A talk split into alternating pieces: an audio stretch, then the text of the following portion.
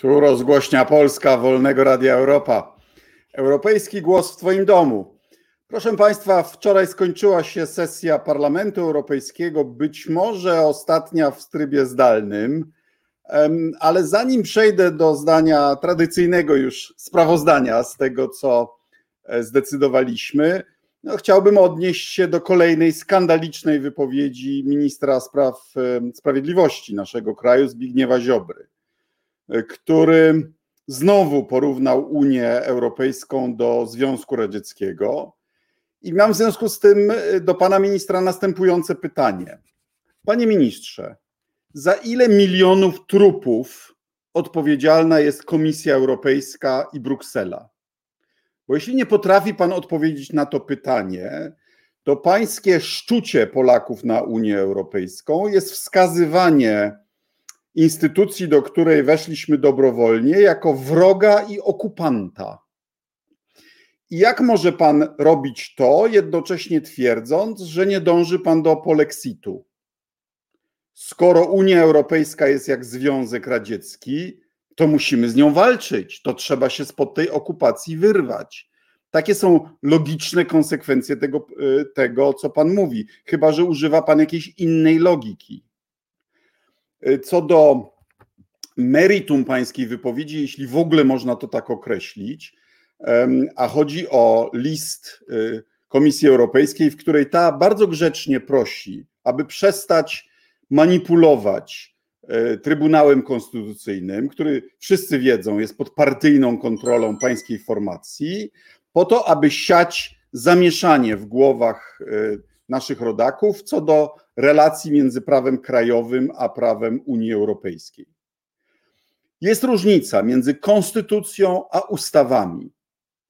Konstytucja jest najwyższym prawem Rzeczpospolitej i konstytucja oczywiście stoi ponad ustawami, ponad regulacjami europejskimi. Natomiast ustawy y, są zgodne z prawem europejskim, bo tak stanowi konstytucja ustawy nie są nam narzucane przez jakichś mitycznych brukselskich y, biurokratów, którymi pan straszy Polaków.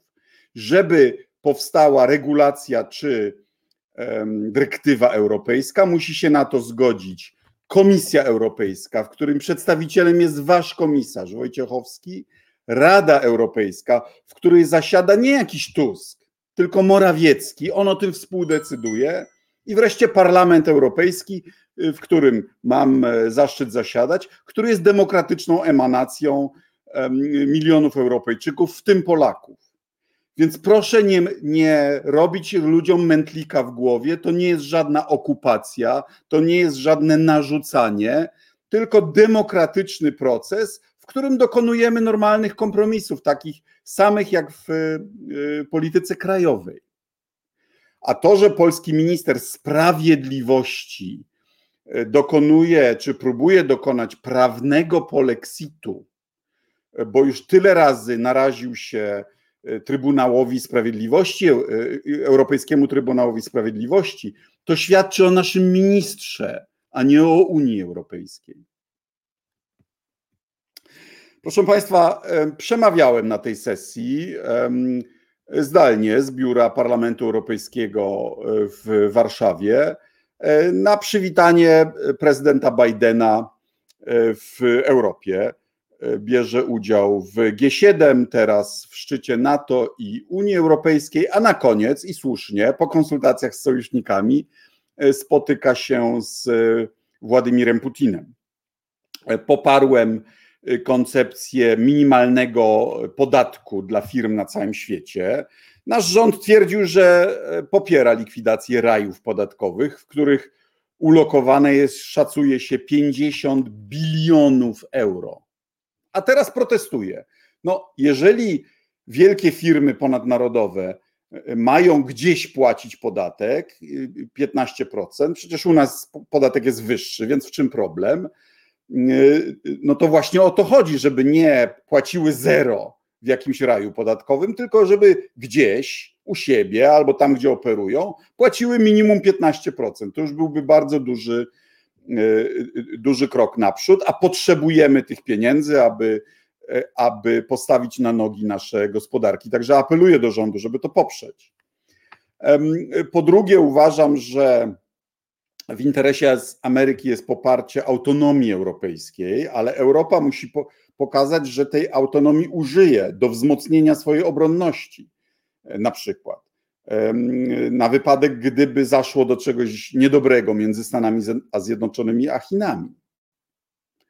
E, I wreszcie doradziłem e, panu prezydentowi Bidenowi, na pewno bardzo uważnie słucha debaty w Parlamencie Europejskim, no, co powiedzieć Putinowi.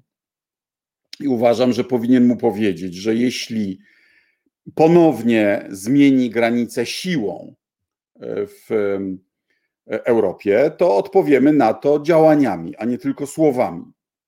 Po drugie, doradziłem, żeby e, powiedział Putinowi, że jeśli zacznie używać Nord Streamu do szantaży energetycznych, e, to sankcje amerykańskie wrócą. Ja uważam to zresztą za błąd e, prezydenta Bidena, no ale, ale niestety Polska nie skleciła koalicji Ukrainy, Czech, Słowacji po to, żeby wpłynąć na nową administrację i sankcje zostały zawieszone.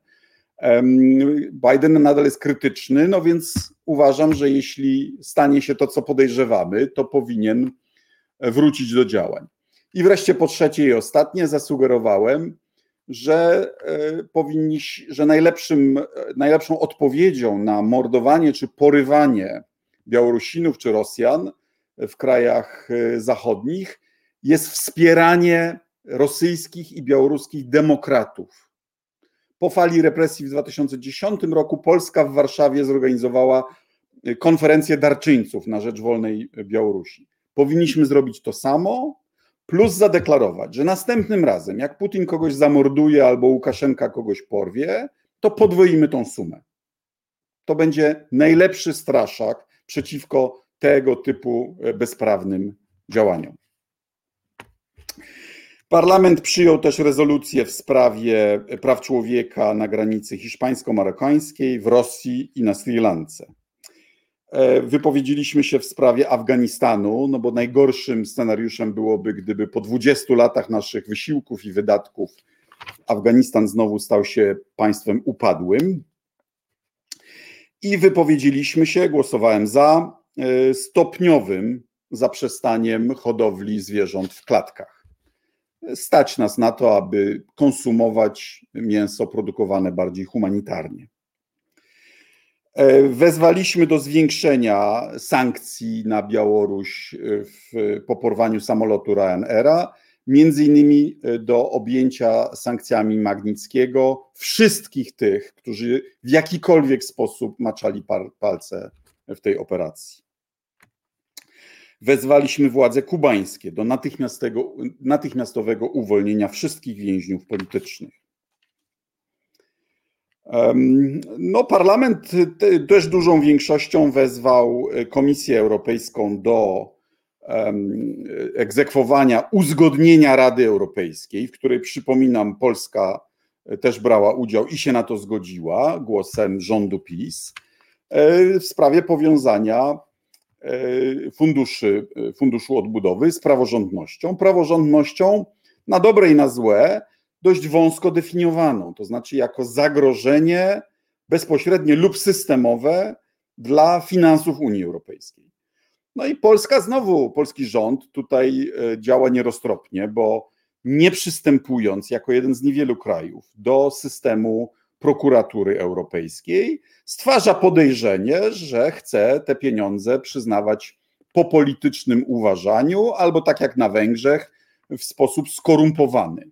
A przypominam, że już są dochodzenia e, e, komórki do spraw przeciwdziałania korupcji OLAF-u Europejskiego przeciwko konkretnym polskim politykom, e, no, których niestety nie realizuje nie ciągnie dalej polska prokuratura. Wiemy dlaczego.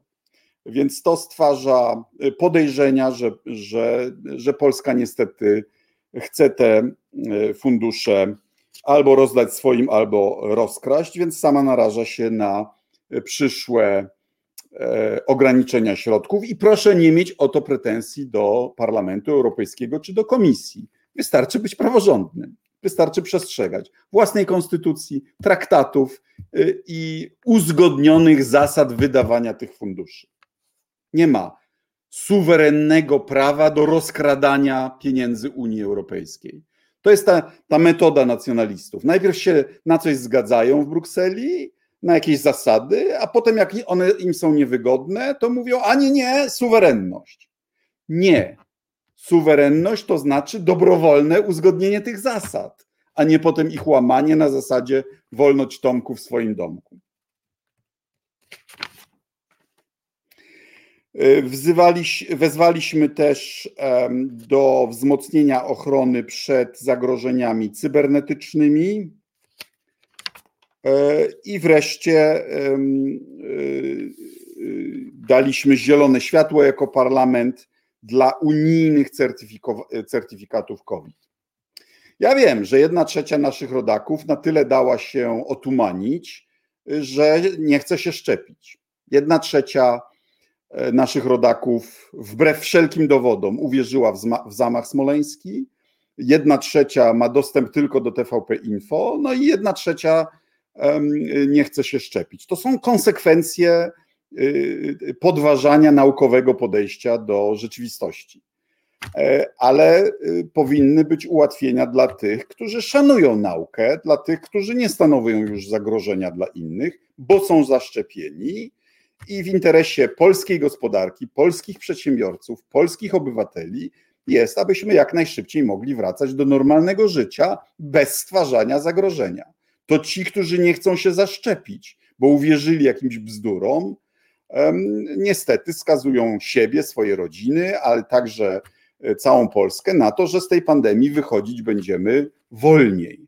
Przyjęliśmy ten y, certyfikat w sposób, który respektuje prywatność, respektuje prawa człowieka, to ma być ułatwienie dla tych, którzy szanują naukę. A jak ktoś nauki nie szanuje, no to trudno, to będzie miał mniej wygodnie. I y, przyjęliśmy też nowy fundusz społeczny wspierający młodych i najbardziej potrzebujących. To będzie 88 miliardów do końca tej perspektywy finansowej. E, oraz y, Fundusz Global Europe, czyli Europa Globalna, e, na współpracę międzynarodową 79 miliardów złotych.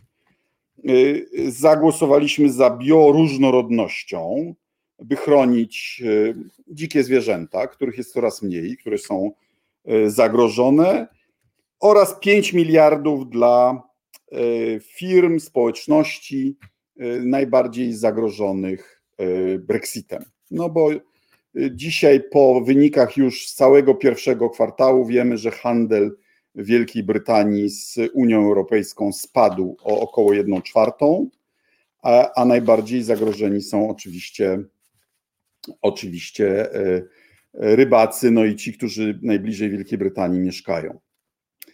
E, może zakończę tym, że europosłowie z partii, naszej partii rządzącej, ale także niektórzy nasi, są e, krytyczni wobec zgłoszonej propozycji co do zniesienia prawa weta w Unii Europejskiej w niektórych kwestiach, między innymi w e, Radzie do Spraw Zagranicznych. Ja mam w tej sprawie swoje zdanie, jeszcze się nim nie dzielę, bo uważam, że to jest taki idealny temat, jeden z wielu, na y, poważną dyskusję, która właśnie się zaczyna w ramach konferencji na temat przyszłości Europy. Jesteśmy konfederacją. Ostateczna suwerenność leży w państwach członkowskich, ale to oznacza, że jesteśmy mniej skuteczni za granicą. Ja rozumiem, że niektórzy są przywiązani do prawa weta, czyli że wszystkie decyzje muszą być y, jednomyślne. Chociaż jesteśmy krajem, który akurat na jednomyślności się przejechał i stracił y, państwowość. Ale zastanówmy się, jak to działa w praktyce, bo oczywiście fajnie jest mieć weto, jak jest coś, z czym się nie zgadzamy, no to wetujemy i tyle.